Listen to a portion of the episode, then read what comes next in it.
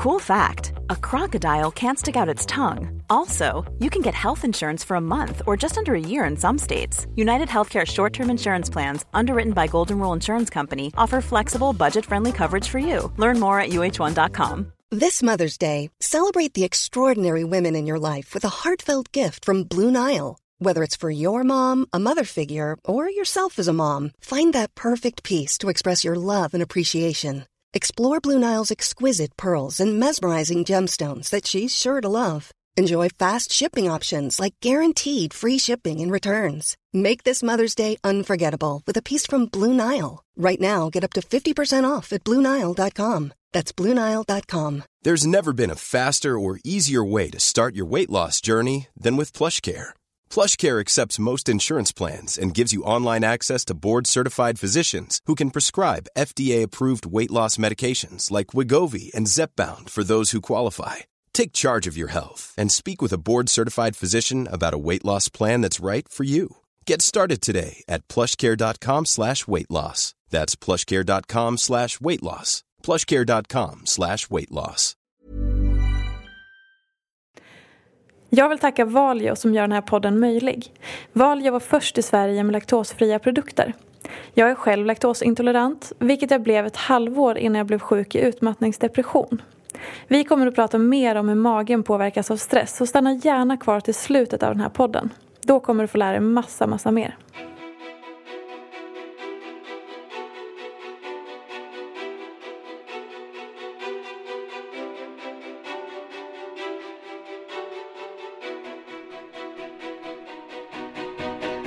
Janne Deler, tjejen som på så många sätt personifierar det perfekta livet. Hon är ung, vacker och levererar inspirerande bilder med fingertoppkänsla. Hon reser så gott som dagligen och befann sig på över 20 ställen i världen bara under 2014. Hon var i Dubai tre gånger, gjorde en långresa till Bali, besökte städer som LA, Berlin, Nice, New York. Och då har vi inte ens nämnt skidåkningen i Österrike, dagarna i London, bloggresan till Marocko och alla resor till Marbella och Monaco där pojkvännen Jon Olsson bor. Janni ser ut som idealet med svallande blont hår, en tunn vältränad kropp och stora vackra ögon. Hon visar dagligen upp en cool och egen klädstil, har 636 000 följare på Instagram och äger minst sex Chanel-väskor. Sedan hon började blogga hösten 2013 har hon gjort kometkarriär. Rakt in i bloggeliten. Och ändå så verkar hon ha fötterna kvar på jorden. Men Janni bjuder inte bara på skönhet och inspiration. Här hintas även ibland om en verklighet bakom den vackra ytan. När vi minst anar det dyker antydan om stressfyllda dagar upp. En stark vilja att hinna med allt och lite till samt en släng av prestationsångest. Hon har tidigare berättat att hon aldrig gråter, att hon har svårt att visa känslor och att hon inte hanterar tystnad särskilt bra. Vem är egentligen Janne Deler? Jag önskar er varmt välkomna till podcasten Ofiltrerat med mig, Sofia Peterfia Sjöström. Hej Janni! Hej! Berätta om din verklighet. Ja, gud vad svårt. Eh, det händer mycket. Det är på gång saker hela tiden. Och precis som du sa så reser jag ju konstant. Eh, det är superkul såklart. Men eh, man blir stressad och det är hela tiden fullt upp. Eh, så man hinner inte alltid njuta av det. Nej. Så det är väl min verklighet skulle jag säga. Och hur, eh, vilka tankar kom när jag läste upp det här introt som jag har knoppat ihop? Nej, men jag tyckte det var bra. Det beskrev väl ganska bra allting, tycker jag. Mm. Eh, förutom som sex Chanel-väskor, jag har bara fyra. jag försökte räkna på Google. eh, ska vi sälja en också. Okej okay då. Eh, nej, men jag tyckte du hade fått ihop bra grejer. Eh, och det stämmer väl. Det mesta. Hur skulle du säga att eh, ditt vardagsliv är? För jag tänker att när man reser så mycket som du gör mm. eh, och du har olika fasta punkter som hemma hos Jon ibland och hemma i Stockholm och mm. sådär. Liksom hur, hur, får man, hur får du ihop allting? Det är väl det jag försöker sätta mig och, och liksom punkta ner nu vad jag vill göra. För jag känner, jag har ju aldrig någon vardag. När jag kommer hem till Sverige, det är inte så att jag har en vardag här. Det blir ju att man har möten hela tiden för att man varit borta så länge. Nu har jag precis varit borta i sex veckor och det är så här, kommer hem och det är liksom möten, möten, möten. Just för att man inte har hunnit ha några möten. Eh, som vardag blir det ju inte. Varenda dag är ju olik. Alltså det är ju helt olika dagar. Ja. Ibland ska jag flyga, ibland ska jag flyga långt. Och sen ska jag dit och så ska man plåta där eller så ska man åka iväg och filma eller... Så nu är jag inne i om jag ska flytta till Jon. Så vi får se om, I Monaco. ja, om det blir av. Det hade varit skönt att ha en och samma fasta punkt. För nu när vi hade varit borta så länge så var det jag åker hem till Sverige och han åker hem till Monaco. För båda var så här, åh, jag vill hem. Men så har man inget hem ihop. Så det blir, jag vill ju hem till min garderob och min lägenhet och liksom tvätta och packa om och träffa familjen. Och han vill åka till Monaco och packa upp och tvätta och liksom göra allt som man gör till vardags. Ja. Ehm, så vi vill nog skapa ett hem ihop istället. Och det är första gången som ni skulle bo tillsammans. Ja. Fast man kan väl kanske säga att ni har bott tillsammans ganska mycket i och med att ni reser så mycket men tillsammans. oftast är det ju på hotell då eller på... Men vi har ju huset i Marbella där vi alltid är på somrarna och på vintern. Det är väl det enda som känns som ett hem vi har tillsammans. För där är vi alltid runt två månader på sommaren. Och då blir det, det är enda gången man får en vardag fast det är en konstig vardag. För det är ju, man solar och det är sommar liksom. Ja. Eh, Som en lång semester. ja, egentligen. Skulle, om man tittar på ditt liv utifrån Mm. eh, så kanske många får uppfattningen om att ditt liv är en lång semester. Ja. Eh, för att det är mycket strandbilder, det är så här härliga hav och bikinis och resor och drinkar och träning på soliga platser och sådär. Hur, hur tänker du själv kring det? Alltså det är ju konstigt att säga men det är ju det folk vill se. Folk älskar att se the good life, så är det ju. Alltså det märker jag ju på Instagram. Lägger jag upp, ja men nu är jag på möte, alltså det är inget som ty- ingen tycker det är kul. Nej. Så um, även om det ser ut som att jag är på semester så jobbar jag ju alltid. Jag kanske är på soliga platser men då går jag upp fem timmar tidigare och sätter mig vid datorn i fyra timmar. Och sen käkar frukost och sen går ut och hänger på stranden någon timme. Och sen tillbaks, redigerar bilder.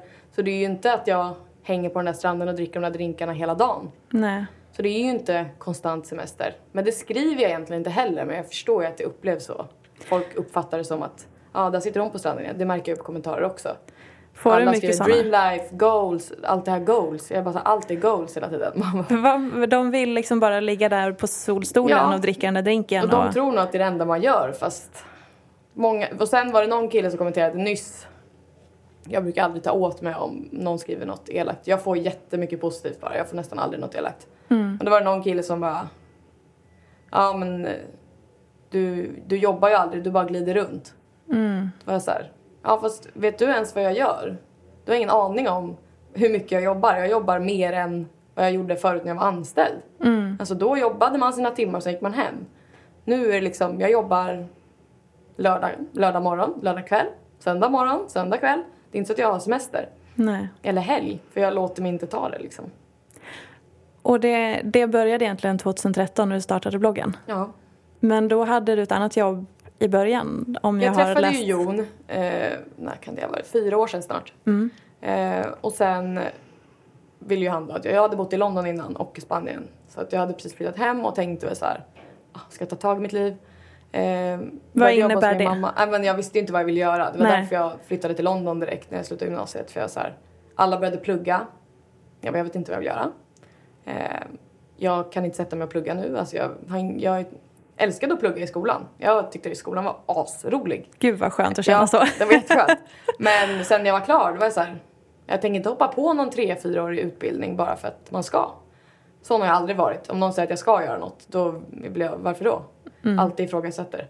Ehm, då kände jag, nej jag tänker inte sätta mig och plugga bara för att man borde göra det. Och för att alla andra gör det. Alla andra gör det för att ens föräldrar säger att man ska plugga.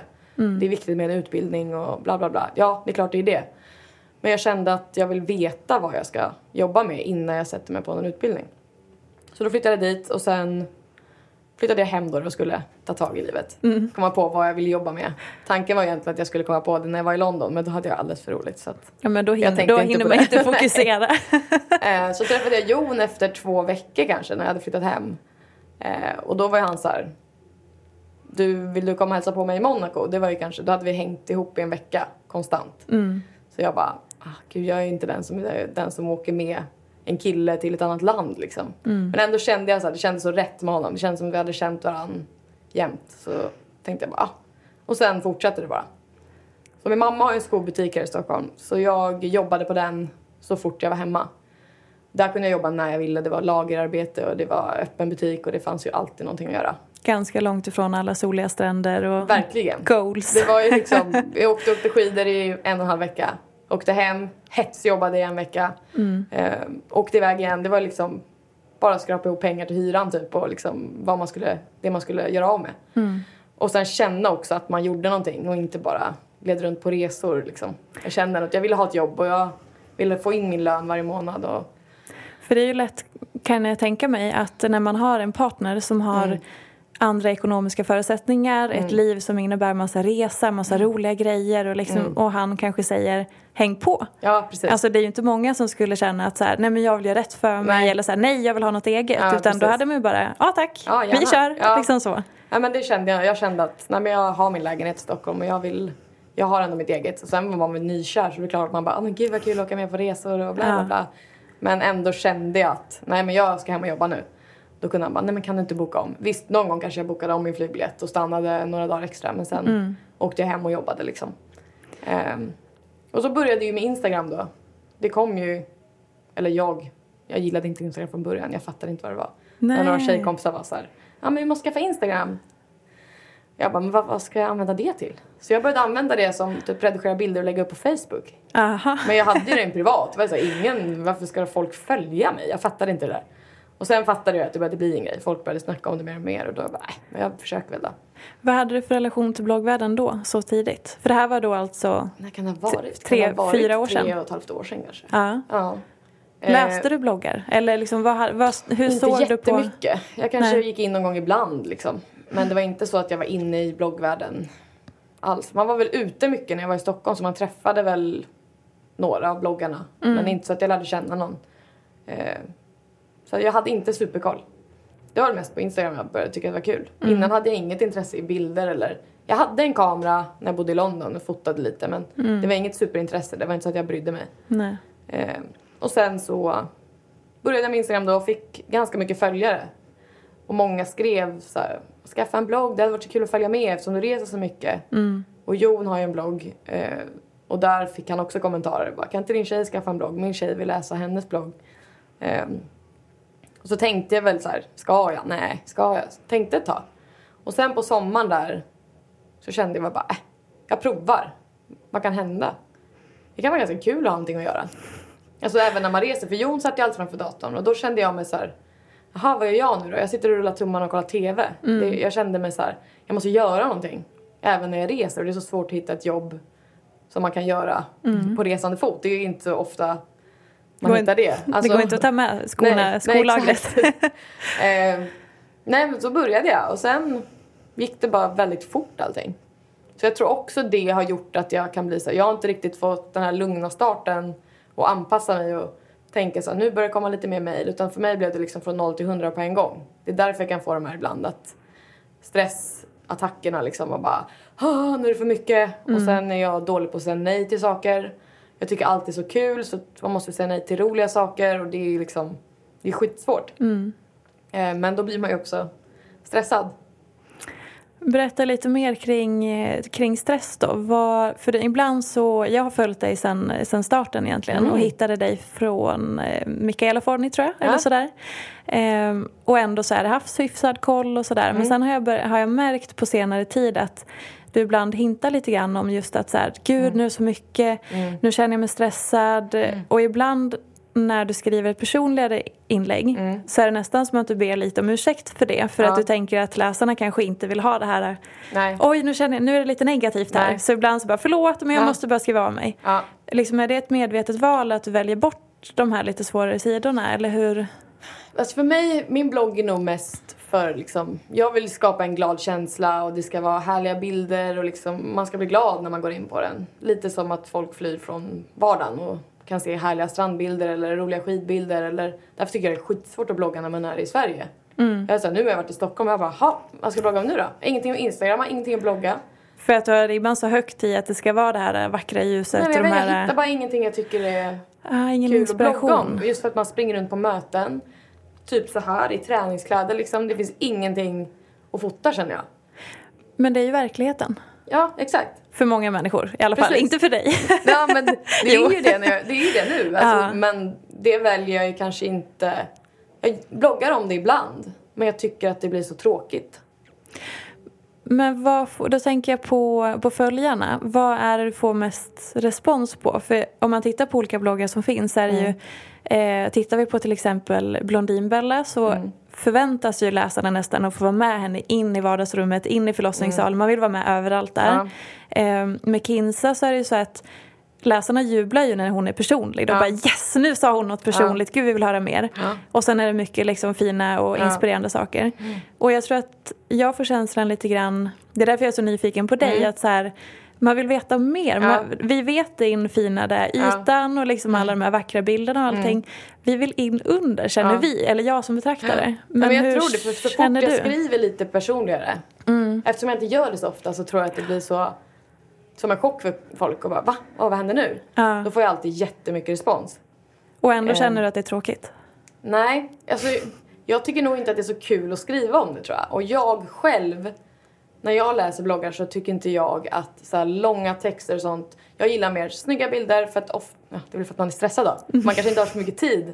Man vill bara gå in och se lite fin, fina bilder och inte läsa så mycket. Ja. Eh, så ibland kan jag känna att oj nu skrev jag en alldeles för lång text men det var liksom, den är inte så lång. Eh, jag vill nog hålla det ganska enkelt. Jag vet inte varför. Jag kan väl vara mer personlig men det är inget jag känner att jag Men är det en strategi eller en, ett medvetet val eller? Det har nog bara blivit så tror jag.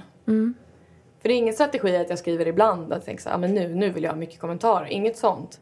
Eh, det är väl mer att ibland känner jag bara så här, ah nu är det kaos, nu måste jag skriva av mig. Och det kan vara ganska skönt att skriva när man känner sig stressad till exempel. Och så här, ah, gud har ni något tips? Eller bara så att ni vet så är jag stressad nu om jag skriver något konstigt. Eller, Och då är det många som skriver det är väl kanske lite någon slags bekräftelse. Så här, ta det lugnt, stanna hemma ikväll. Kan de kommentera? Läsarna. Då blir man så här, ja men det ska jag verkligen göra nu. Känner du att, eh, att du själv inte har riktigt, liksom, i och med att det har gått otroligt snabbt Mm. för dig med hela karriären. Du började hösten 2013. Mm. Nu har det gått två år och du är liksom en av de största Mm. och har över en halv miljon följare på Instagram och liksom är överallt. Kan du känna att det har gått så fort så att du inte riktigt har hunnit landa i så här, det här är en arbetsrutin. Ja. Eh, så här lägger jag upp mitt arbete, nu är jag ledig, nu är det på, nu är det av. Alltså hela den, för du nämner, Mm. Verkligen. du återkommer till stress hela tiden. Ja. Och jag som har eh, själv varit utbränd blir så här, så fort Aha. folk pratar om stress då bara oj, nu lyssnar Ja. jag med stora örat här. Nej, jag kändes... Nej, när kan det ha varit? Jag kommer inte ihåg, men det var inte så länge sedan. Då kände jag så här, jag har typ svårt att andas. Då hade det varit så mycket resor och eh, jag hade inte haft ork eller tid att sätta mig och svara på mail. Och det stressar mig otroligt mycket. Jag vill alltid svara på mail snabbt. Just för att jag själv kan bli, om jag mailar någon och vill ha svar. Jag vet inte, jag tycker det känns så här, ja men svara. Man, man håller koll på mailen liksom. Så jag försöker alltid svara. Men det är där jag har problemet. Att jag svarar hela dagen. jag Lite svarar hela på morgonen. Eh, och sen så, fast jag har stängt av ljudet på telefonen så jag får inte en notis att jag har fått mail. Men jag går in och kollar liksom. Så här, har det kommit något nytt? Eh, Ja, du kör fast den. jag vet att jag kommer inte ha tid att sätta mig och svara nu. Jag vill bara kolla om det är något akut. Ja, men hur ofta är det något akut? Oftast kan folk vänta. Så då körde jag en strategi att jag satt bara på morgonen i två timmar. Och sen satt jag på kvällen i två timmar. Eh, för min kille var också jättestressad. Och då hade en kille sagt det till honom som han hade börjat jobba lite med och sa Sätt av tid för mejlen. För att öppnar du den hela tiden eller har notiserna på då man blir stressad. Eh, och det funkade väl ett tag. Sen kan jag känna så här, jag är hemma hela dagen och bara ska vara hemma och jobba och ta det lugnt. Ja men efter lunch då kan vi lika gärna svara på några mejl liksom. Men eh, det blir, alltså hur, hur, det här blir ju inte så hållbart tänker jag. Du är väldigt ung eh, och det är väldigt många som rycker i en när man är så liksom, eftertraktad och har den makten som man har. Eh, och jag tänker att du är bara början av karriären. Ja. Eh, tänker du ibland att så här, shit det här måste jag verkligen eh, jag måste göra någonting åt det här, jag måste fixa det här. Men det får vänta, jag ska börja det här först. Jag ska börja det här Mm. det är nog först. så jag kör. Jag borde styra upp det här, men jag gör det här först. Ja. Du känner Så igen är det? det nog jag tänker. Jag kan tänka som nu när vi var borta, vi var ju på Hawaii i tio dagar. Och då var det jättemycket bara slappna av. Och då kände jag så här, man får så mycket mer energi på morgonen när man sätter sig och mejlar. För sen lägger man, det var nog ganska skönt med tidsskillnaden. För hela dagen, då sov Europa liksom. Mm.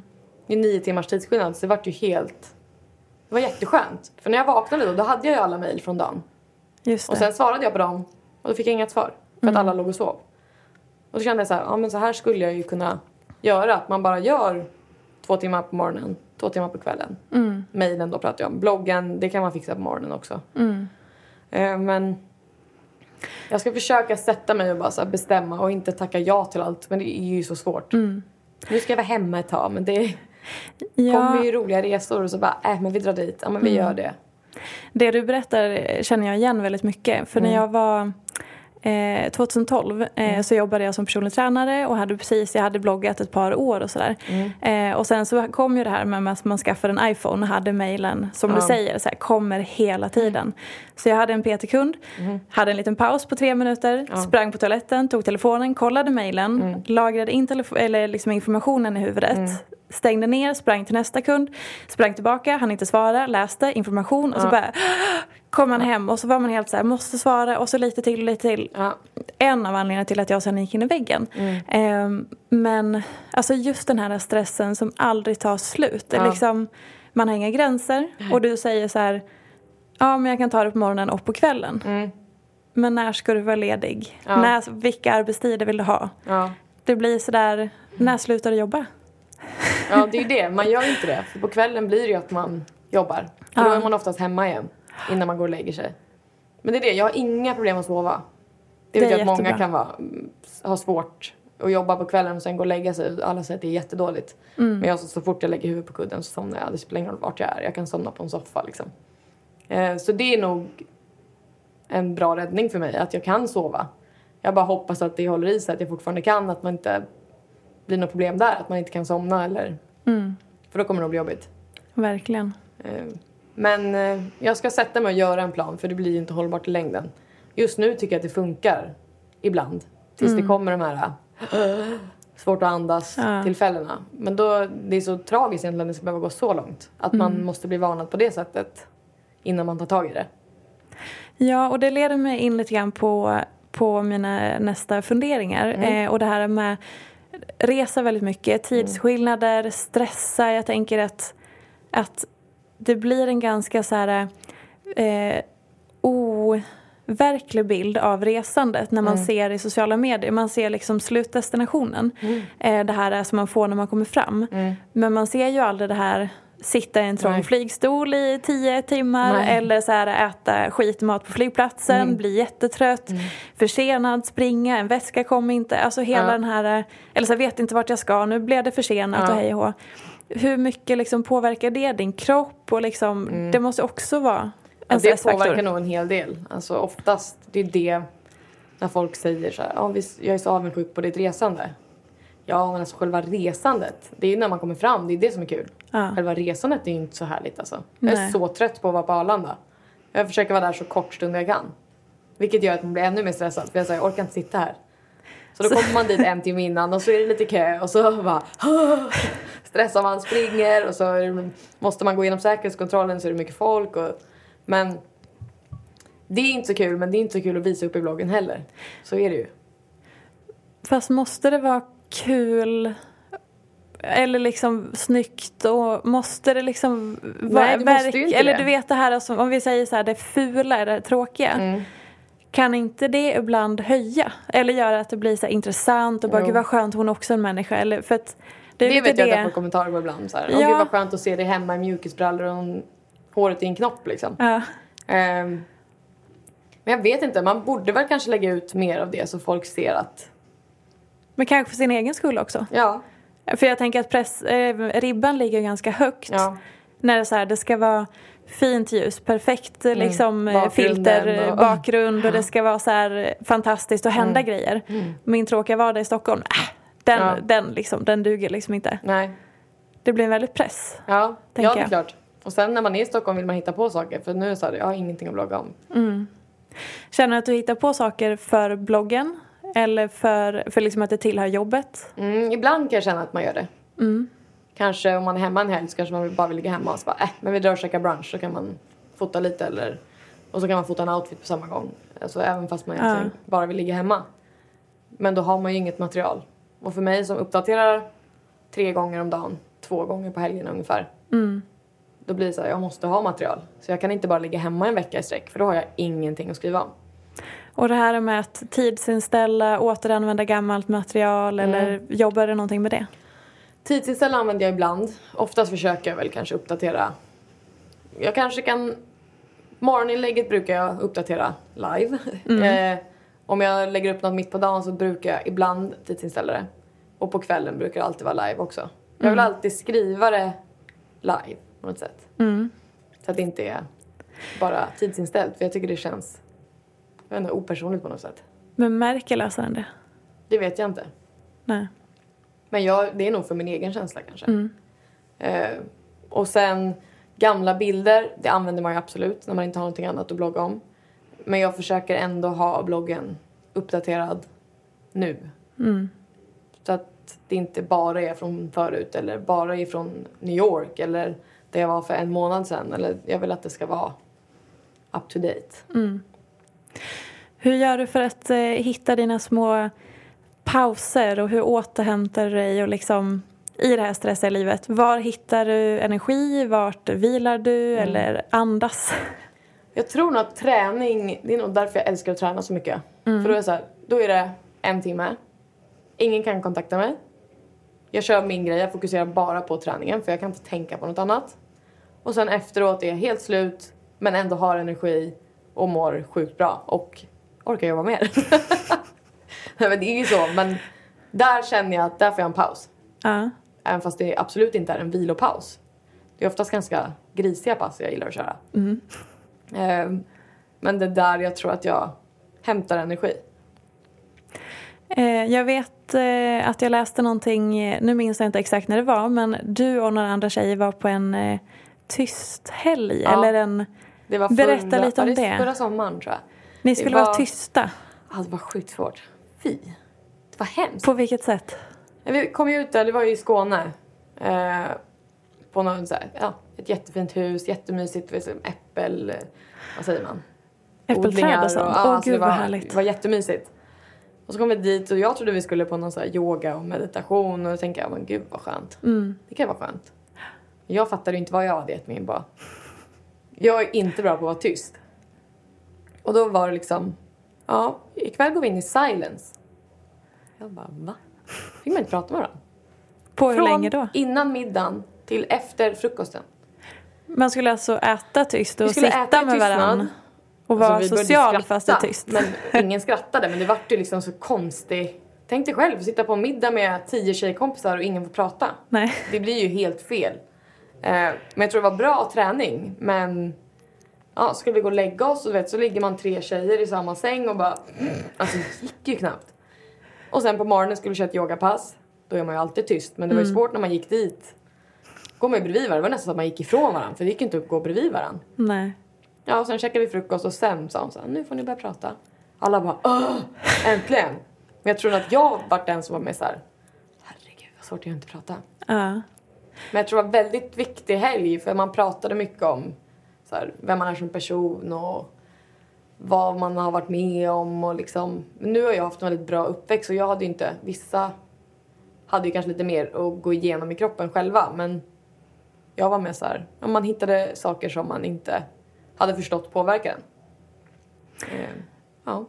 Jag läste, för jag läste det inlägget igen Mm. eh, inför det här och då så skrev du någonting om att eh, du hintade lite grann om att du inte tycker om tystnad. Mm. Och har sagt tidigare att så här, du gråter aldrig, Nej. du vill inte vara tyst. Eller du, när du kommer hem så börjar direkt på med tvn Ja, eller har alltid. Mm. vänner omkring dig eller sådär. Vad tror du det beror på? Jag vet Varför är det inte. så? Det har jag inte riktigt kommit underfund med än. Det är så fort jag kommer hem så sätter jag på tvn. Mm. Och när jag går någonstans så lyssnar jag oftast på musik. Sitter jag på flyget och mobilen dör och inte har någon musik då kan jag bara... Även om det inte är tyst för att folk pratar runt omkring. Men det är ändå så här, ja, jag kan inte sitta och lyssna på vad de pratar om. Det känns ju inte så intressant för mig. Jag vet inte, jag vill alltid ha någonting som händer runt omkring tror jag. Som distraherar? Ja. Kan du känna, om man ska vara lite så här eh, analytisk, Mm. eller om man ska fundera lite på det, kan du känna att det är någonting som finns där som du inte riktigt orkar möta? Eller så här, eh, Ja, kanske. någon, någon känsla som bor där som är så här, nej men det här känns lite jobbigt, bättre att distrahera sig eller, Mm. Ja. eller Ja, så. men det är nog att man, för vi, hon sa ju det till mig, hon som vi var där med. Hon sa prova att vara hemma själv och inte sätta på tvn. Mm. Och bara sitta hemma själv, tyst. Jag bara, va? Vad ska jag göra då? Ska jag Du ser helt chockad i ut väggen liksom? Och då var hon så här, nej men läs en tidning och... Då tänkte jag så här, men det kan jag göra. Men det är ju egentligen bara byta ut tvn mot en tidning. För då gör man ändå något. Mm. Men sen, jag har inte övat på det så mycket som jag sa att jag skulle göra. Men jag har nog blivit lite bättre på att kunna vara själv. Nu kan jag nästan längta efter en hemmakväll men då är det såklart vill jag ha tvn på. Men Mm. Och bara vara hemma själv. För att jag kan tycka det är ganska skönt nu för tiden. Även om jag älskar att umgås med folk och ha mycket folk runt omkring mig. Det kanske är för att jag alltid haft så mycket syskon. Ja. Så det har alltid varit saker på gång runt omkring mig. Så att blir det tyst så blir jag så här, "Ha, känner inte igen mig riktigt. Nej. Jag vet inte hur de situationerna är. Och sen tänker jag att när man har det här jobbet som både du och jag har med att man ska Mm. vara uppdaterad, man ska blogga, instagramma, liksom springa och greja. Så blir det ju lätt att så här, det händer saker hela tiden. Mm. Och jag är sådär, om jag får, varje vår så får jag en pollenchock. Så jag ligger hemma och är sådär, känner mig ganska värdelös och blir Aha. så här, trött och slut och känner sig sjuk och du vet, så här, Ja. lite obalanserad. Och jag blir alltid så här, eller om jag är sjuk någonting, jag får alltid prestationsångest. För att jag är så van med att så här, man är igång, man ska Ja. göra, prestera, man ska fixa och så läser man om blogg och bara "Åh, Gud nu får den och den göra det här roliga och nu ligger Ja. jag här hemma och är värdelös. Liksom Ja. prestationsångest. För att jag själv inte är igång eller liksom, Mm. man behöver inte vara på topp men just det här att man bara är aktiv i sitt vardagliga liv. Känn, kan du känna igen det? Mm. Ja, absolut. Hur då? Nej men om jag säger att jag är hemma en hel helg och inte gör någonting, då kan man nog känna så här. Gud, varför inte göra något kul? Jag måste göra något roligt. Och jag har bara legat hemma och slappat. Mm. Jag måste göra någonting. Egentligen vet jag inte varför. Det kan vara jätteskönt med en hemmahelg, kan man ju tycka. Men när jag själv har det så blir man ju stressad av det. För att du känner att du borde vara ute och prestera Ja, eller men- göra eller Kanske hänga inte eller? prestera på helgen då, men om jag... Jag är nästan aldrig sjuk. Nu kommer jag säkert bli det bara för att jag sa så här. Men så den... Jag kan egentligen nästan alltid vara igång. Men om jag väl känner mig sjuk och hängig och trött, ja då känner man sig värdelös. Mm. För att man kanske inte orkar mejla och man orkar inte riktigt uppdatera med något kul och då blir det att man känner så här, gud imorgon måste jag göra något roligt. Då känner man sig lite dålig för den dagen. Så Just är det. det. Mm. Skulle du kalla det för prestationsångest eller det är det nog. Otillräcklighets... Ja, prestationsångest. För Man Ja. vill alltid prestera något bra och kul och man ska vara rolig och... Jämför det med många andra bloggare eller profiler i social media och så. Nej, men det är jag nog ganska bra på att inte göra. Det kanske är för att jag hela tiden gör saker själv. Mm. Att jag inte behöver känna den. Och nu har hon gjort det, då måste jag också göra det. För att jag hela tiden gör saker på min egen Mm. resa. Eh, men det gör jag inte. Vi är ju alla, vi som umgås, alla bloggare, så alla peppar ju varann. Jag har aldrig sett det som någon konkurrens eller nu fick hon göra det där, då måste jag göra det. Utan jag ser det mer så här, man hjälper varann och man peppar varann och det är kul om det går bra för någon. Mm. Sen kanske inte alla är så, jag har ingen aning. Men jag tycker det är skitkul om någon får något stort samarbete eller då blir jag så här, men bra, kör! Det, Det lyfter, viktigt. det lyfter ju branschen på ett sätt. Ja. Eller liksom lyfter, att så här, lyfter hela, Ja. hela bilden av... Alltså man är ju kollegor, jag ser det inte som konkurrenter. Jag säger mer kollegor, man jobbar med samma grej. Mm. Det är väl klart, om någon får något samarbete som jag kanske jättegärna ville ha, då kanske man bara ah, typiskt, jag vill också ha det. Ja. Men jag kommer ändå vara glad för den skull. Det tror jag är superviktigt. Verkligen. Men det blir också prestationsångest för man vill ju ha bra samarbeten också liksom. Berätta lite om liksom din, vi benämnde lite grann i början så här, vad, liksom alla resor och att du jobbar jättemycket och liksom hela den biten. Men vad innebär faktiskt en, en vardag? Alltså vad är, vad är ditt arbete? Mitt arbete är, jag tycker det är så svårt att förklara. Eller hur? När min mamma eller pappa bara, ja men du skriver lite på en blogg typ. Ja. jag måste hitta material som jag ska blogga om. Eh, och sen blogga, redigera bilder till att börja med. Mm. Hitta på vad det ska handla om, vad jag ska fota. Och sen är det ju säkert, jag vet inte hur många mejl om dagen man svarar på. Eh, Från, från företag egentligen. Och planering av samarbeten och det kan vara allt. Det kan vara läsare som mejlar, då vill man ändå svara känner jag. mm, Och sen svara på kommentarer. och så, jag vet inte egentligen vad det är som tar som tid, men allt tar ju tid. Och sen är det ju Instagram då hela tiden uppdatera och ha någonting som man ska uppdatera med. Och sen, ja, allt möjligt egentligen. Och sen nu har jag ju släppt en kollektion för Nelly som kommer snart. Så det har ju tagit mycket tid också. Men det är ju bland det roligaste jag har gjort så det har bara varit superkul. För övrigt skitsnygga kläder so far. Det kommer mera. Härligt! Nej, det känns skitkul men det har ju också Förstår tagit upp det. tid. Ja. Och det är väl det som är så fantastiskt med bloggyrket att det börjar med ett konto någonstans eller en blogg Mm. någonstans och sen så leder det till massa trådar liksom Ja. vidare till det som man kanske egentligen vill göra. Exakt. Eh, du kanske egentligen vill designa kläder eller ha ett eget märke av något slag eller sådana saker. Så öppnar det väldigt mycket dörrar. Det gör det verkligen och det är jag så glad för. För det, det märkte jag ju nu. Jag visste att jag ville hålla på med kläder. Mm. För jag har alltid varit intresserad av det. Men nu efter jag har gjort det här med Nelly så känner jag bara okej, men nu vet jag vad jag vill göra. Fantastiskt. Nu, ja, jättekul. Tur att du inte börjar plugga. Ja, eller hur? Vad tråkigt det hade varit för mig. eller hur? Missat allt det roliga. Ehm, om man tittar på din blogg, eh, vilket jag har gjort ganska mycket nu inför det här. Ja. Eh, så går det ju en ganska tydlig gräns mellan, vi har varit lite inne på det, men det här mellan personlig och privat. Mm. Eh, och jag pratade med en kollega tidigare, hon bara, jag har följt Janni sen innan hon började instagramma, jag vet inte hur det gick till men jättelänge. ja. Ja men Ja. precis. Eh, hon var så här, hon bara, jag har stenkoll på henne, jag inspireras jättemycket och så. Men jag känner inte att jag känner henne. Nej. Och en del kan ju säga sådär, bara, åh gud jag har följt dig, jag känner dig. Eller typ, Ja. det känns som att du är min kompis. Och hon sa att hon känner inte riktigt det med din Nej. För att hon känner att du ändå är ett, en, Ett skal.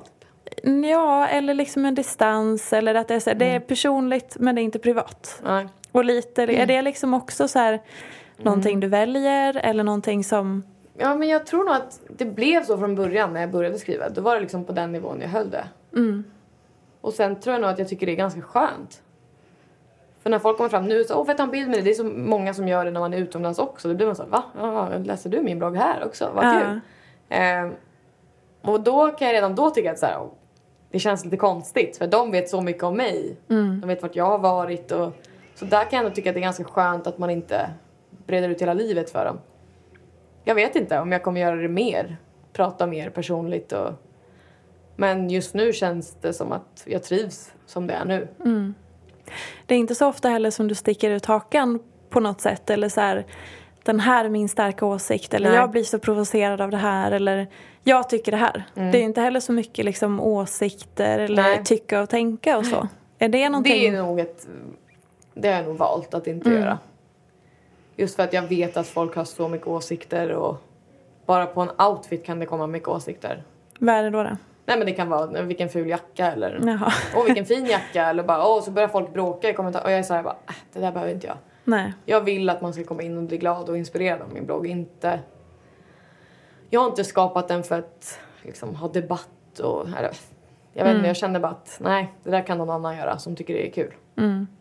Och sen tycker jag någonting väldigt starkt då, då kan jag nog skriva det men jag mildrar det nog. Så att jag Det får man ju det. verkligen göra. Alltså jag kanske skriver så här, ja men jag tycker inte det, så är det bara. Inte går in på det djupt. För att det, jag vet inte, jag känner bara att nej, det får någon annan ta hand om. Det finns väldigt många som, eh, som gör just det. Som har så här debatter och artiklar och sticker Mm. ut hakan och åsikter och är så där. Jag blir bara så imponerad över deras engagemang, hur de orkar och framförallt hur de orkar ta den skiten som Mm. Ja. kommer. För att det är ju så här, det är en sak att blogga som du och jag gör. Jag Ja. har inte heller så mycket, jag kan ha åsikter kring hälsa ibland för att Ja. det är mitt område. Men, men just när det är liksom så här feministiska inlägg, Mm. politiska saker och vara så stark i det och Ja. också orka ta skiten. Ja. Det är jäkligt beundransvärt Ja. alltså. Nej men just politik och sånt, då känner jag så här, varför ska jag skriva om det? Det behöver inte jag skriva om. Nej. De behöver inte veta vad jag tycker eller tänker. Alla tycker ju, har ju sin egen åsikt. Och vill någon rösta på ett parti och någon på ett annat, ja men gör det då. Alltså, om det inte är något som är jättedåligt, då skulle jag ju ta upp det. Som vadå? Eller något som jag tycker är jätteviktigt. Ja, som den här flyktingkatastrofen till exempel. Då skrev jag ju ett inlägg om det. Och då var det vissa direkt som bara Jaha, hur mycket skänker du då? Ska du inte sälja dina väskor? Alltså vi bara så här, ja nej, jag ska inte röra sådana där områden. Så är det ju bara. För folk går på mig. Jag kan inte leva mitt liv utan att... Alltså jag kan inte Om jag väljer att skänka, de har ingen aning om hur mycket jag skänker. Jag kanske skänker 500 000, det vet ju inte de. Men ändå går de på en för att det är så här, ja sluta köp kläder utan skänk istället. Ja, okej, men ska jag då inte leva mitt liv som jag vill? Bara för att jag ska hjälpa andra? Kan jag inte göra både och? Och då kan jag bli så här, nej, det där det tycker jag bara är onödigt. Onödig huvudvärk för mig. Och du känner inte att du kan eh, uttrycka det och vilja hjälpa till till exempel genom att skriva inlägg om eh, att skänka eller sådär.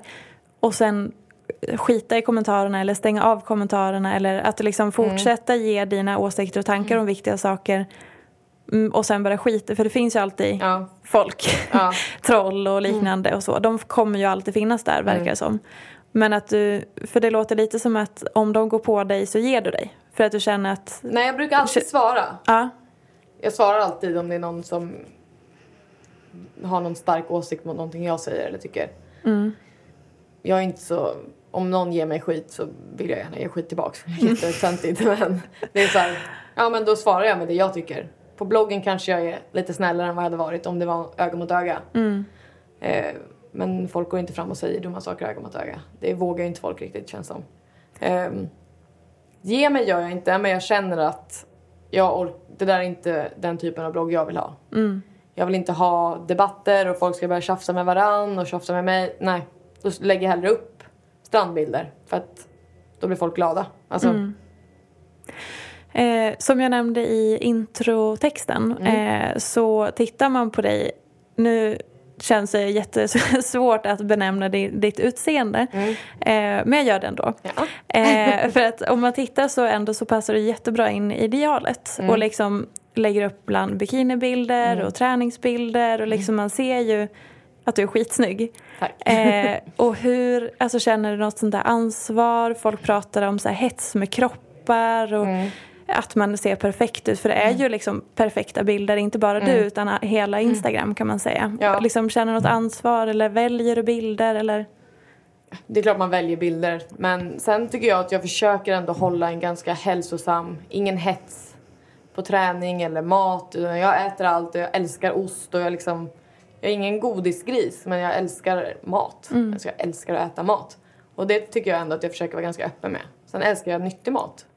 Det är såklart ett plus. Min kille blir alltid så sur på mig för att han älskar pizza och pommes frites.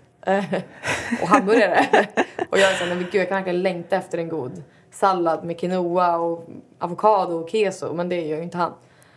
Men sen försöker jag väl ändå ha, det är aldrig så att jag skriver, nu ska jag gå på en uh, megadiet och jag försöker väl inte lägga upp posebilder i bikini, det känns inte riktigt jag. Utan det är väl mer så här glada bilder och försöker få en så här avdramatiserad känsla med bikinibilder. Och kropp överlag känner jag. Får du mycket kommentarer kring, för jag tänker eh, vissa Instagram-kommentarer kan ju vara rent ut sagt förnedrande. Ja. Alltså det är sexualiserande eller det är Gud vad mycket konstiga saker Ja. som människor Ja, skriver för på ibland. Instagram är det så snabbt och det är ingen som kollar. Och Det Nej. är... Ja, ibland. Alltså, men jag, just Instagram-kommentarer på sådana bilder om det är någon... Ibland om det är äckliga gubbar som skriver saker då brukar jag gå in och blocka dem. Mm. Just för att jag vill inte ha den typen av följare på min Instagram. De behöver inte se mina bilder. Eh, men jag brukar inte svara på sånt egentligen. Jag brukar inte vilja ge dem något tillbaka ifall det är något dumt eller något. Ja, sexy lady. Man bara okej, ja, vad kul att du tyckte det då. Eller Ja. så. Men och vad känner, för en del påstår ju, eller tycker jag att om man lägger upp en viss typ av bild Mm. som selfies eller mycket utseende och mycket kropp Mm. i, som är lite lättklätt så får man typ förvänta sig att få lite skit eller att man är en dålig förebild eller att man borde liksom skärpa till sig. Ja, eller det du vet. är helt fel. Varför- Ingen ska förvänta sig skit. Nej. Alltså, om jag lägger upp en bild så tycker jag antagligen att den var fin. Mm. Och om, jag kan bara inte förstå hur folk kan skriva ja men vad ful du är eller vilken ful tröja. Man så här, jag menar så mår du bättre av att skriva det? Det är Jag jättefascinerande. förstår inte det. Jag skulle, skulle jag tycka att någons tröja var ful? Ja, men då kan jag väl tänka det då. Mm. Jag behöver inte skriva det så att hon ska må dåligt som har tröjan på sig. Jag kan inte förstå det där. För mig är det helt ofattbart. Man säger ju inte det till folk man träffar heller. Nej. Det är ju aldrig någon skulle komma fram och bara Fan vad ofräsch du ser ut idag. Ja. eller vilken konstig säga på näsa du har. tunnelbanan bara, vad fan är det för jacka på dig? Ja. Man bara okej, ja och den här. Antagligen men- för att jag tycker den är fin. Ja.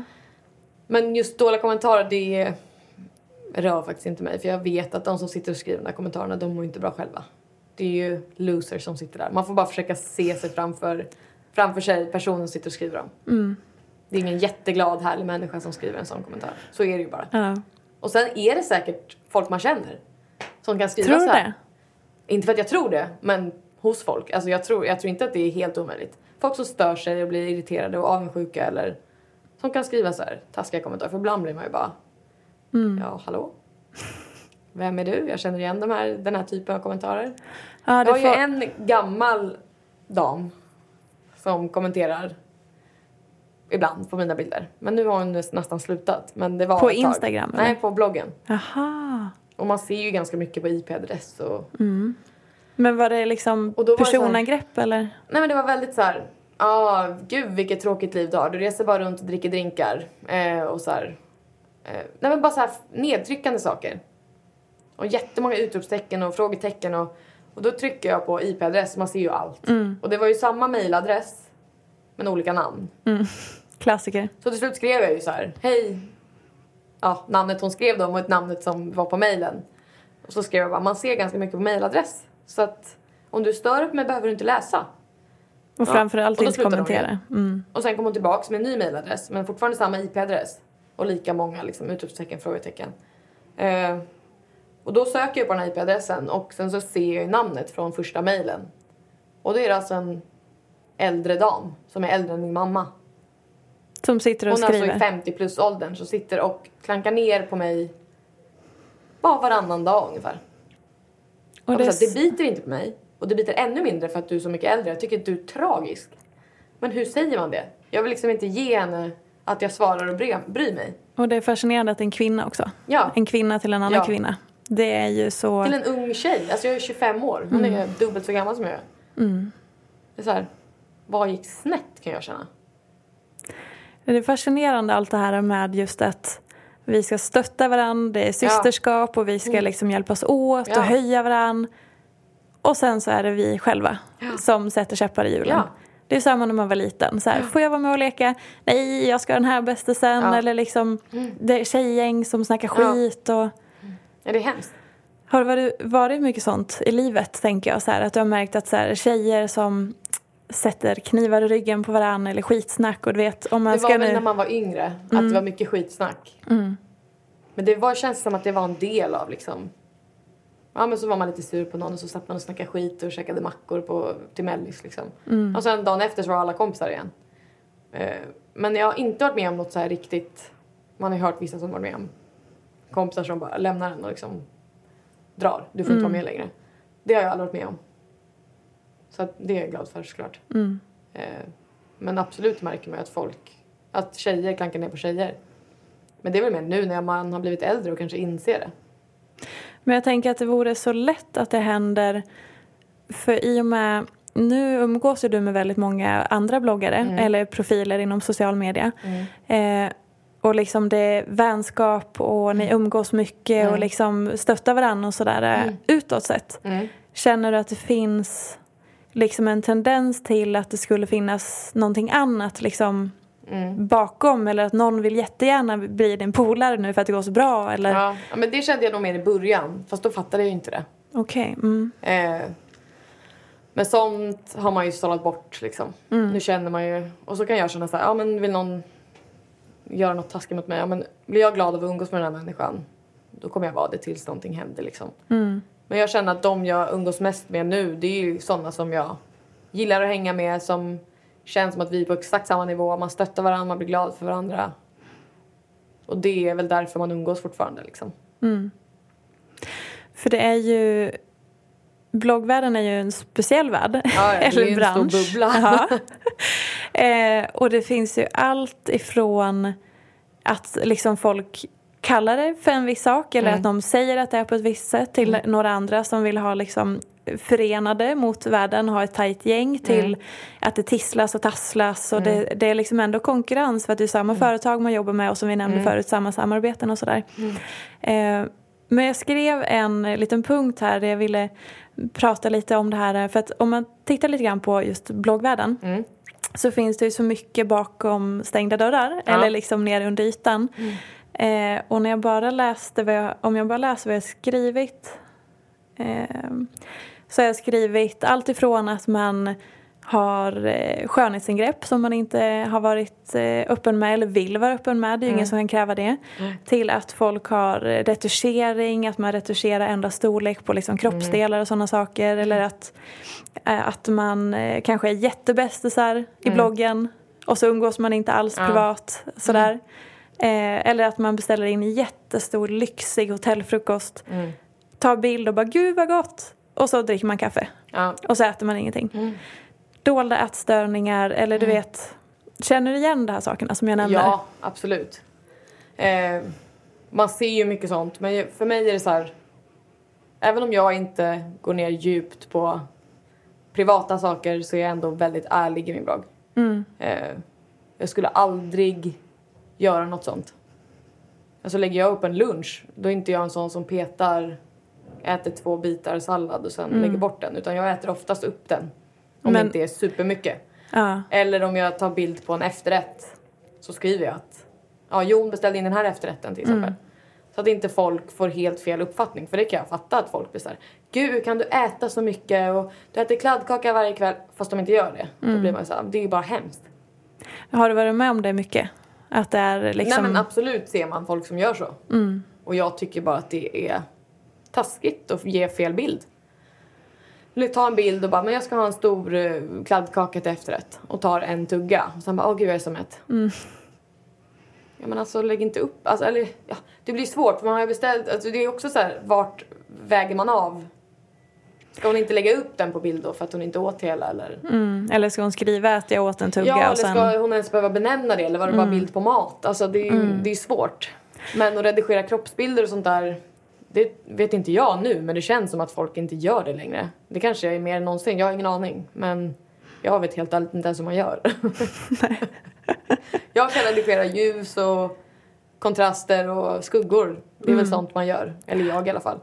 Jag kanske lägger in en liten låtsas solsken bara för att det var så himla grått. Ja. Ehm, men that's it. Jag skulle aldrig redigera om något så. Ta bort så här eh, skönhetsfläckar eller hårutväxt eller Nej. piffa liksom. Ja, nej. Nej, jag skulle inte ändra något på själva bilden. Nej. Det kan vara, det enda jag kan ta bort är om så att jag står och så har det legat en fimphög till höger om mig. Då Ja. kan jag faktiskt ta bort den.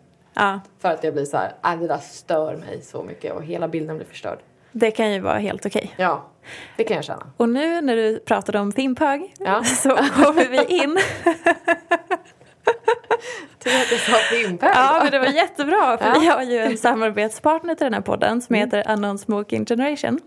Eh, och de har en kampanj som heter Don't be a follower. Eh, och det leder in mig på just det faktum att du har så otroligt många följare på Instagram. Och bloggen också såklart. Men liksom, hur påverkar det här, de här följarna dig? Är det så att du ser att, får en viss bild ett antal likes, att du tänker att ah, men då måste jag lägga upp fler såna här eller att du får respons på ett visst sätt så anpassar du efter dem eller kör du alltid din grej? Nej, man vet ju, man lär sig ju ganska snabbt. Eh, men för mig, jag ser ju knappt följarna som, jag vill gärna inte tänka att det är personer, Nej, de där siffrorna. det är jättesvårt. Ja, jag tänker det mer, jag ser det mer som en siffra. Ja, Därför man kan bli så chockad när det kommer fram folk. Gud, jag följer på Instagram. Åh, det är ju faktiskt människor. är, men... Eh, eh, det är klart att man påverkas lite. Mm, Jag vet ju till exempel att matbilder får inte lika mycket likes som om jag inte är med. Alltså, är jag med på bilden så får det mer likes för att de följer mig för att de är intresserade av mig och mitt liv. Eh, men jag slänger in det ibland ändå för att om jag tycker det var en fin bild eller inte har något annat att instagramma så är det det som åker upp. ja. Ehm, man anpassar sig väl lite. Alltså man lär sig. Nu är jag nog så van med det så att jag bara kör. En del, jag tycker mig se en trend det senaste året att eh, man vet att bikinibilder har alltid gått väldigt bra men att en del har nästan bytt inriktning från sitt ursprung som de kanske började med och så märker de att lägger jag upp selfies, bilder på min kropp eller bikini eller så så går siffrorna rakt uppåt. Och då blir man det ju så här, det är klart att Ja. om siffrorna går upp för att man lägger upp en typ av bilder så är det klart att det är frestande att fortsätta. Ja, hur, ja absolut. Det, vet, det ser man ju Ja. att folk gör. Eh, jag har väl alltid sagt från början att jag inte vill vara en sån typ av Instagram. Som man följer för att jag visar upp min kropp. Det är inte sån jag är som person. Och det är inte den jag vill bli på Instagram heller. Jag vill att de ska följa med mig för att det är mitt liv. Och är jag en vinterland med tjockjacka och mössa då ska de fortfarande tycka att det är fina bilder och kul att följa med. Och inte bry sig om att jag inte står i bikini. Eh, men självklart, är man vid solen så det är klart man lägger upp bikinibilder ibland.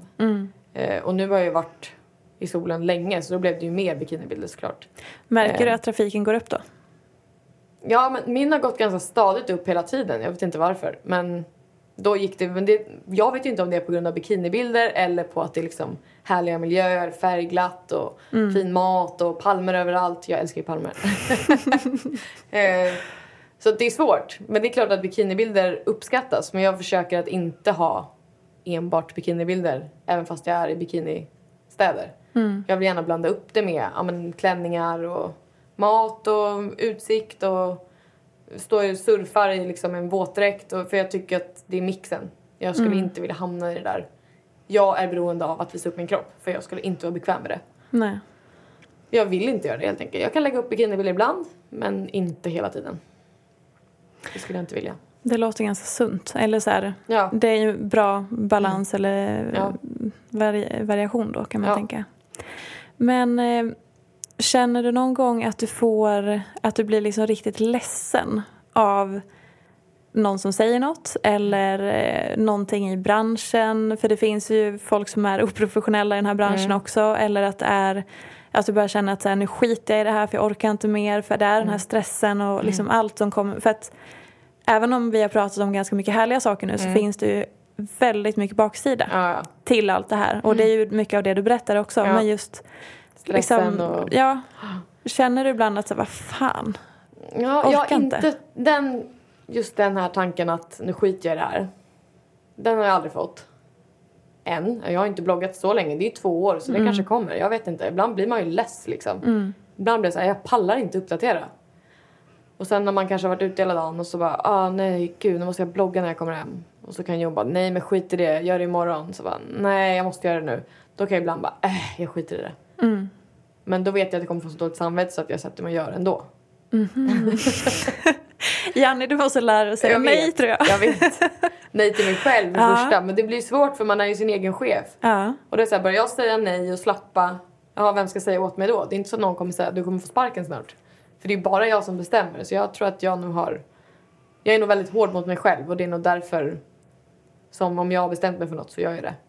Och då kommer jag inte rubba på det även om jag är skittrött. Utan då sätter jag mig och gör det i alla fall. Skulle du säga att du är en eh, prestationsprinsessa? Det här jobb, Ja. ordet. Men eh, Det skulle jag nog säga att jag är. ja, på vilket sätt? Jag vill alltid prestera och gör jag inget som jag är 100% nöjd med så blir jag inte nöjd och då vill jag göra igen så att det blir bättre. Och jag vill alltid att det ska vara 100% helt enkelt. Och om det inte blir det då? Då försöker jag lösa det. Om jag får hjälpa någon att fixa något så gör jag det oftast själv till slut om jag inte blir nöjd då. För då blir jag så nej men det här blir inte bra, då får jag fixa det själv. Och tar det fem timmar extra då gör jag det ändå. För att jag vill vara 100% nöjd. Egentligen vet jag inte varför. Det är nog inte för att jag vill visa upp att någonting är 100% utan det är nog för min egen känsla. Att jag vill känna mig nöjd. Har det alltid varit så? Ja, men jag tror det. Jag hade ju som sagt, skolan var ju superkul. Men där var jag ju också, så jag fick nästan hälften, eller mer än hälften MVG i slutet i trean. Och i ettan så var jag inte så. Då var jag så här, ja men då fick jag typ VG på allt. För då hade jag precis flyttat till Lidingö och börjat in i skola. Och då var jag lite mer så här, äh, men nu måste jag få kompisar. Och sen vart jag liksom, då kom jag tillbaka till mina mönster och bara, nej men nu måste jag satsa här. Men det var inte så att jag var hemma och var en riktig pluggnörd. Utan jag hängde med kompisar hela tiden. Jag satt alltid längst fram. Alltid längst fram, räckte alltid upp handen och var en sån där som folk tycker är en riktigt tönt. Fast jag var så här, ja men skratta åt mig om du vill men jag kommer inte behöva sätta mig hemma och plugga i tio timmar för det här provet. För jag kan allt, för jag har lyssnat. Jag har liksom varit med på allt. Och det var väl redan där man var liksom, om jag sätter mig längst fram för att då kan jag leverera bra. Jag får intrycket av att eh, du har ganska lätt för saker och ting. Ja men det har jag nog. så, att livet är snällt. Ja. Om man får säga så. Ja, det är det jag sa. Jag har inte haft några riktiga motgångar som har varit skitjobbiga och jag har faktiskt inte det. Vad, om du skulle vara med om det, eh, säg att det skulle hända något tragiskt i familjen eller du och Jon skulle göra slut eller att du skulle bli sjuk på något sätt eller sådär. Skulle du dela med dig då eller hur skulle du liksom hantera det mot det du har byggt upp? Det vet jag inte. Det är så svårt för jag har ingen aning om hur jag skulle reagera själv. Nej. Eh, det är inget sånt som har hänt än så länge så jag är så här. När det väl händer, då har jag ingen aning om hur jag kommer reagera. Det har mest varit så här, roliga saker och min pappa och min syster och alla säger alltid bara, ah, men du glider på en räkmacka, allt går bara så lätt för dig. Jon säger samma sak. Mm. Jag är alltid så här, ja men är det någonting, då tänker jag alltid men så här, jag tror att det är mycket psykiskt för jag är alltid så här, nej men det kommer lösa sig, det går bra. Trygg Och det liksom. gör det alltid. Oftast då. Det kan väl vara någon gång det inte går bra. Men som när jag skulle flyga till exempel. Jag bara tar ett sånt exempel. Och så hade min väska var alldeles för tung. Och så sa min pappa bara det här kommer bli dyr övervikt. Bara så du vet. För han får alltid betala övervikt om han flyger med ett kilo över liksom. Jag bara äh, det är väl inte så farligt. Jag tror det kommer vara lugnt. Han bara ja men då kan ju du tro det. Men det, är- det här kommer du få betala för. Jag bara ja, jag får väl se. Så gick vi dit och så var det en tjej i disken. Och vet, jag bara, ah, hej hej. Hon bara, oj den här väger fem kilo för mycket typ. Nu kanske inte jag får berätta det här i och för sig. Ja, jag skitsamma. Jag sa inte vilket bolag det var. eh, jag bara, hej du vet. Och då sa hon direkt bara, ah. eh, För jag sa bara, men jag visste inte att det var så lite. Jag trodde faktiskt inte att den skulle väga så mycket mer. Så hon bara, men då vet du det till nästa gång. Och så fick den åka igenom. Och så stod pappa bara där och skakade på huvudet. Bara, hur är det möjligt? Alltså allt, det går alltid bra för dig. Jag behöver inte betala någonting. Jag bara så här, hon gjorde det så lätt för mig. Ja. Han bara, det blir alltså? Jag bara, ja men det är för att jag intalar mig att det kommer gå bra. Nej men det är, jag ser det inte som ett problem. Nej. Men det är ändå yttre påverkan. Det kan man ju inte alltid styra. Även om du har en positiv inställning och Ja. så här tänker det här går bra. Så kan det ju stå en sur tant i. Ja, eller, liksom, eller att något går fel. Ja. Eller liksom så. Så det är vet, inte, jag yttre tror kanske bara påverkan. jag har väldigt tur. Tänker du ofta på det då? Att så här, eller, många, Ja. många säger ju så här, lyckliga människor är de som känner tacksamhet eller något sånt där. Finns det någon gammal Mm. Ja, men jag är nog väldigt tacksam för allt jag får uppleva och att det oftast går ganska smooth. Mm. Men jag väntar ju också bara på att okay, någon gång kommer det ju smälla så att det inte är så jävla bra hela tiden liksom. Kanske när du själv är i tyst rum för första gången. Exakt. Så jag ska inte göra det. Nej, men det är lite intressant det där, för vi pratade tidigare här med, med eh, producenten, eller vad vi ska kalla honom för. Eh, för då tog han upp det här med Mat-Tina, eh, om vi ska kalla henne så. Alla vet om det är. Eh, för hon hade sagt i någon intervju att när hon är med om någonting jobbigt i livet så tar hon in det i sitt mentala rum och sen så lägger, häller hon cement över det och så får det torka och så tänker hon aldrig mer på det. Det är så Jaha. hon hanterar motgångar, Oj. jobbiga perioder och liksom allting. Det var någonting med i alla fall cement. Mm. Ehm, hon bara skiter i det och så bara går hon vidare och stänger in det. Mhm. Och jag blir väldigt sådär, Det känns ju inte jättebra. det känns jättefarligt. Ja. För jag tänker att någon gång Vad så kommer det? Mm. där explodera. På något vis. Ja. Och så som du har, vi har pratat nu och du har berättat, känner du någon gång att det kan vara så här, eftersom jag glider på den där räkmackan som Ja. du sa, kan du känna att så här, tänk om det är någonting som, kom- alltså det kommer bli någonting stort som Ja. kommer hända eller att så här, den dagen jag mår dåligt då kanske det blir svinjobbigt Ja. eller så. Finns de tankarna?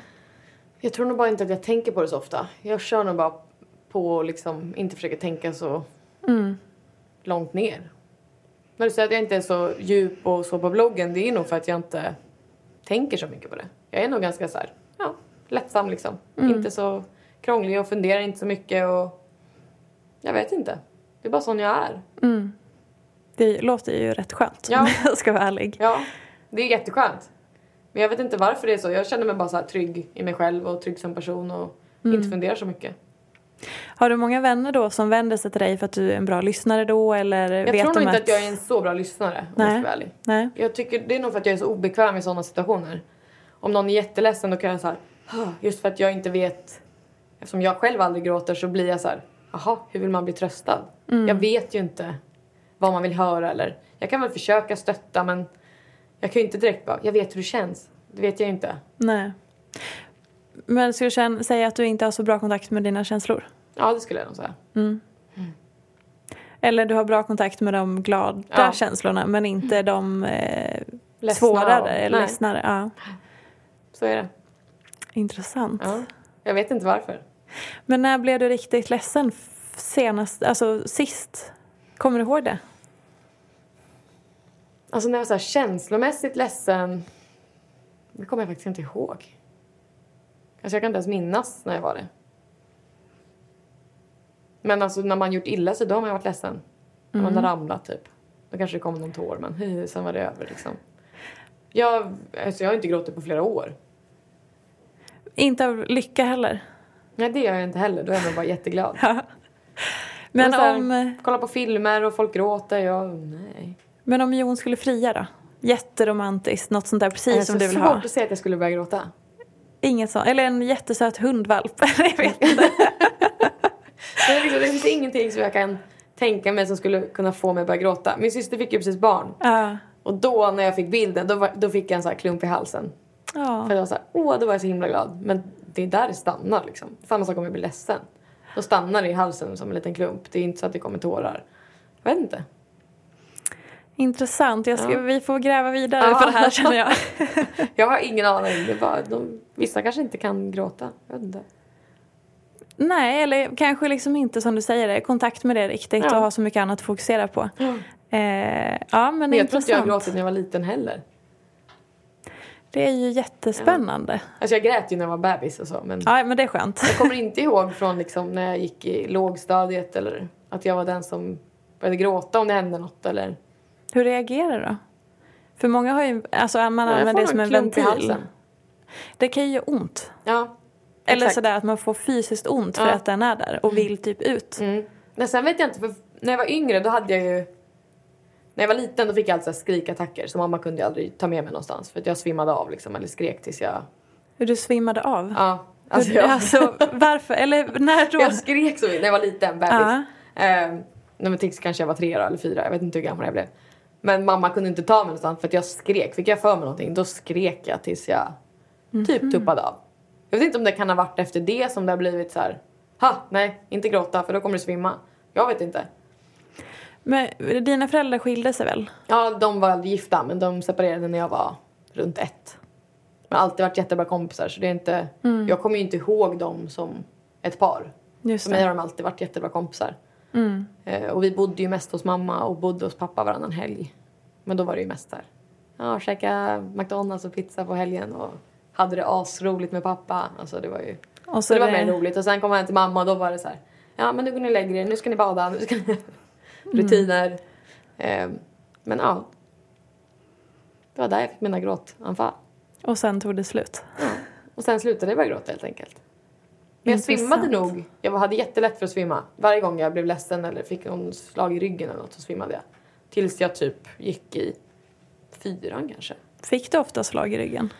Nej, men min syster en gång hon slog mig för att hon visste att jag skulle svimma. Och vi var bråkade. Då slog hon till mig i ryggen så svimmade jag i trappan. Och arg. fy vad brutalt. Jag vet. men hon eh, tog hand om mig en vecka efter det för hon hade så dåligt samvete så det var lugnt. Ja, vad skönt. Finns lite Nej, kärlek. så jag vet inte varför. Om det kan ha varit det som har gjort att jag inte kan gråta kanske. Det har jag inte tänkt på förrän nu. Men det kan ju vara att kroppen har satt in någon varningssignal. Gråt inte för då svimmar du kanske. Jag vet inte. Ja, kanske. Mm. Det, kroppen är ju ganska Ja. cool på det sättet Ja. att den eh, gör ihåg. grejer vi inte riktigt förstår Exakt. själva. Jätteintressant. Mm. Mm. Ja, jag är jätteglad över att, över att du har kommit hit. Jag skulle gärna vilja fortsätta prata med dig men eh, vi har nog babblat. kaffe. Ja men precis, precis. Då får inte lyssnarna följa med. Men som sagt, jag är jätte, jätteglad att du kom hit och eh, jag hoppas att vi kommer ses framöver. Eh, Absolut. och att du kanske kommer i kontakt med känslorna om du vill det. Det hoppas jag med. Du kan få hjälpa mig. på ett annat sätt. Ja, jag vet inte hur, men jag kan lyssna i alla fall. Ja. Eh, ni hittar eh, Janni på bloggadressen Jannideler.com och Instagram Janid. Jannid. Jannid det. Alla tror att jag heter Janid. Det är därför. Jaha, Jannid. Ah, Så smart. när jag är utomlands så ropar folk Janid om de vill ta en bild. Jag bara nej. Jag Men- heter Janni. Hur ofta är det du får ta en bild utomlands med folk? Det börjar bli mer och mer. Häftigt. Ja, det är kul. Hur känns det då? det känns ovant. Det var blev nog mest chockad i LA när en tjej kom fram på flygplatsen och bara Oh my god I'm obsessed with you, I need to take a photo! Och jag bara okej, okay, ja ja absolut. Det känns det bara sjukt för det är på en helt annan ja. sida av världen liksom. Men det är kul. Och så speciellt när det blir sådär att hon kommer och skriker på ja. ett annat språk i ja. LA och bara vänta nu det är mig hon menar. Ja. Jag bara va? Vad händer? Ja. Är det mig? Okej, okay, ja, självklart kan vi ta en bild. Nej, men det är kul. Jätteroligt. Ja. Stort lycka till med allting tack. framöver och tack för att du var med här. Tack för att jag fick vara med, det var superkul. Tack. Tack snälla ni för att ni har lyssnat.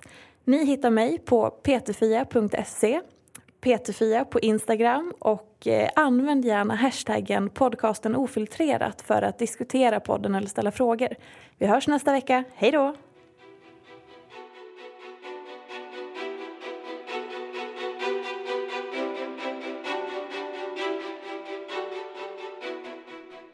Vår huvudsponsor Valio fortsätter att berätta hur vi kan ta hand om våra magar lite bättre.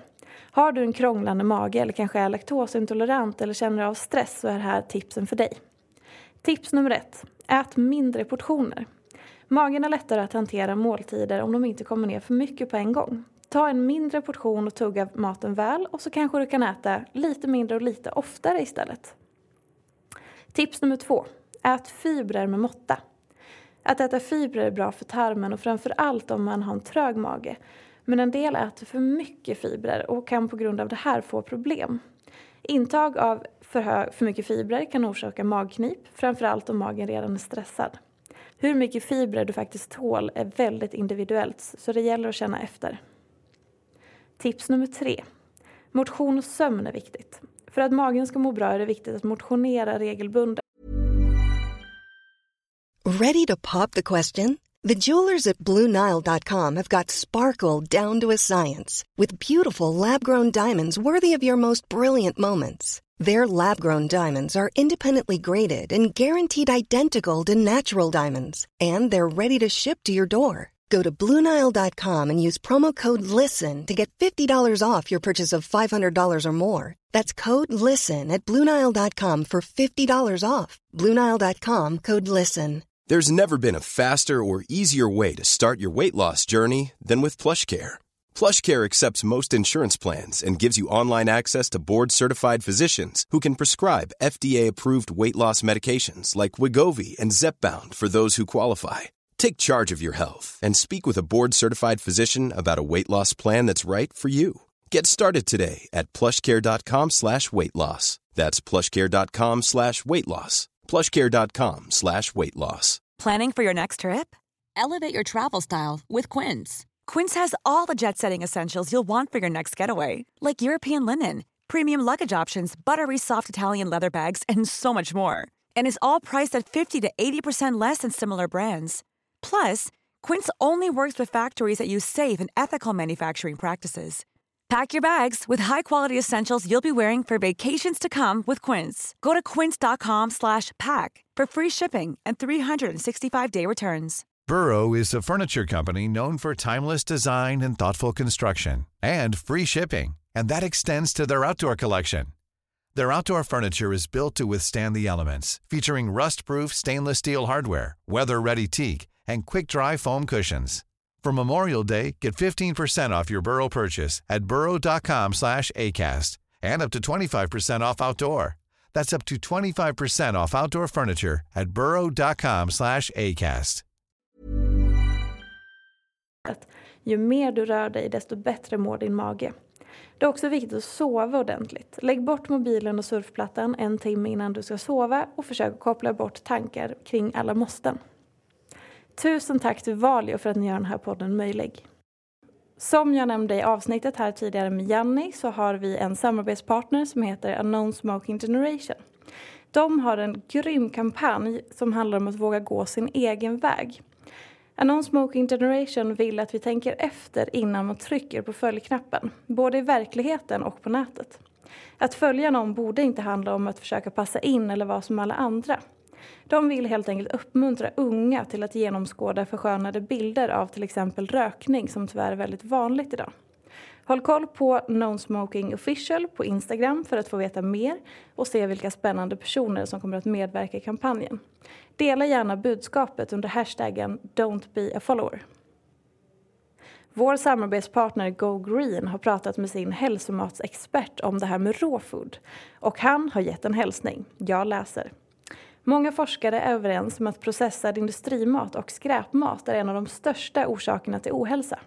Råfod är helt rena och icke-processade råvaror i sin naturliga form och det innehåller massor av fibrer, vitaminer och mineraler. När maten inte är upphettad anser vissa att näringen behålls intakt och det är därför som råfod då är helt överlägset att blanda in sin kost. Tusen tack till Go Green och Jakob Wismar.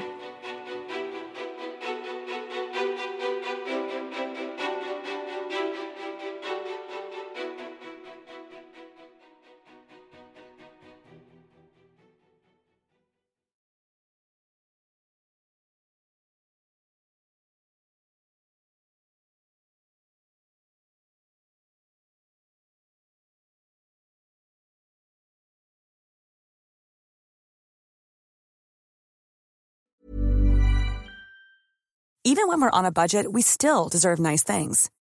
Quince is a place to scoop up stunning high-end goods for 50 to 80% less than similar brands. They have buttery soft cashmere sweaters starting at $50, luxurious Italian leather bags, and so much more.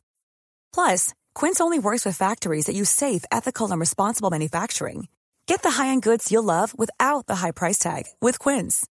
Go to quince.com/style for free shipping and 365-day returns. A lot can happen in three years, like a chatbot may be your new best friend. But what won't change? Needing health insurance. United Healthcare Tri Term Medical Plans, underwritten by Golden Rule Insurance Company, offer flexible, budget friendly coverage that lasts nearly three years in some states. Learn more at uh1.com.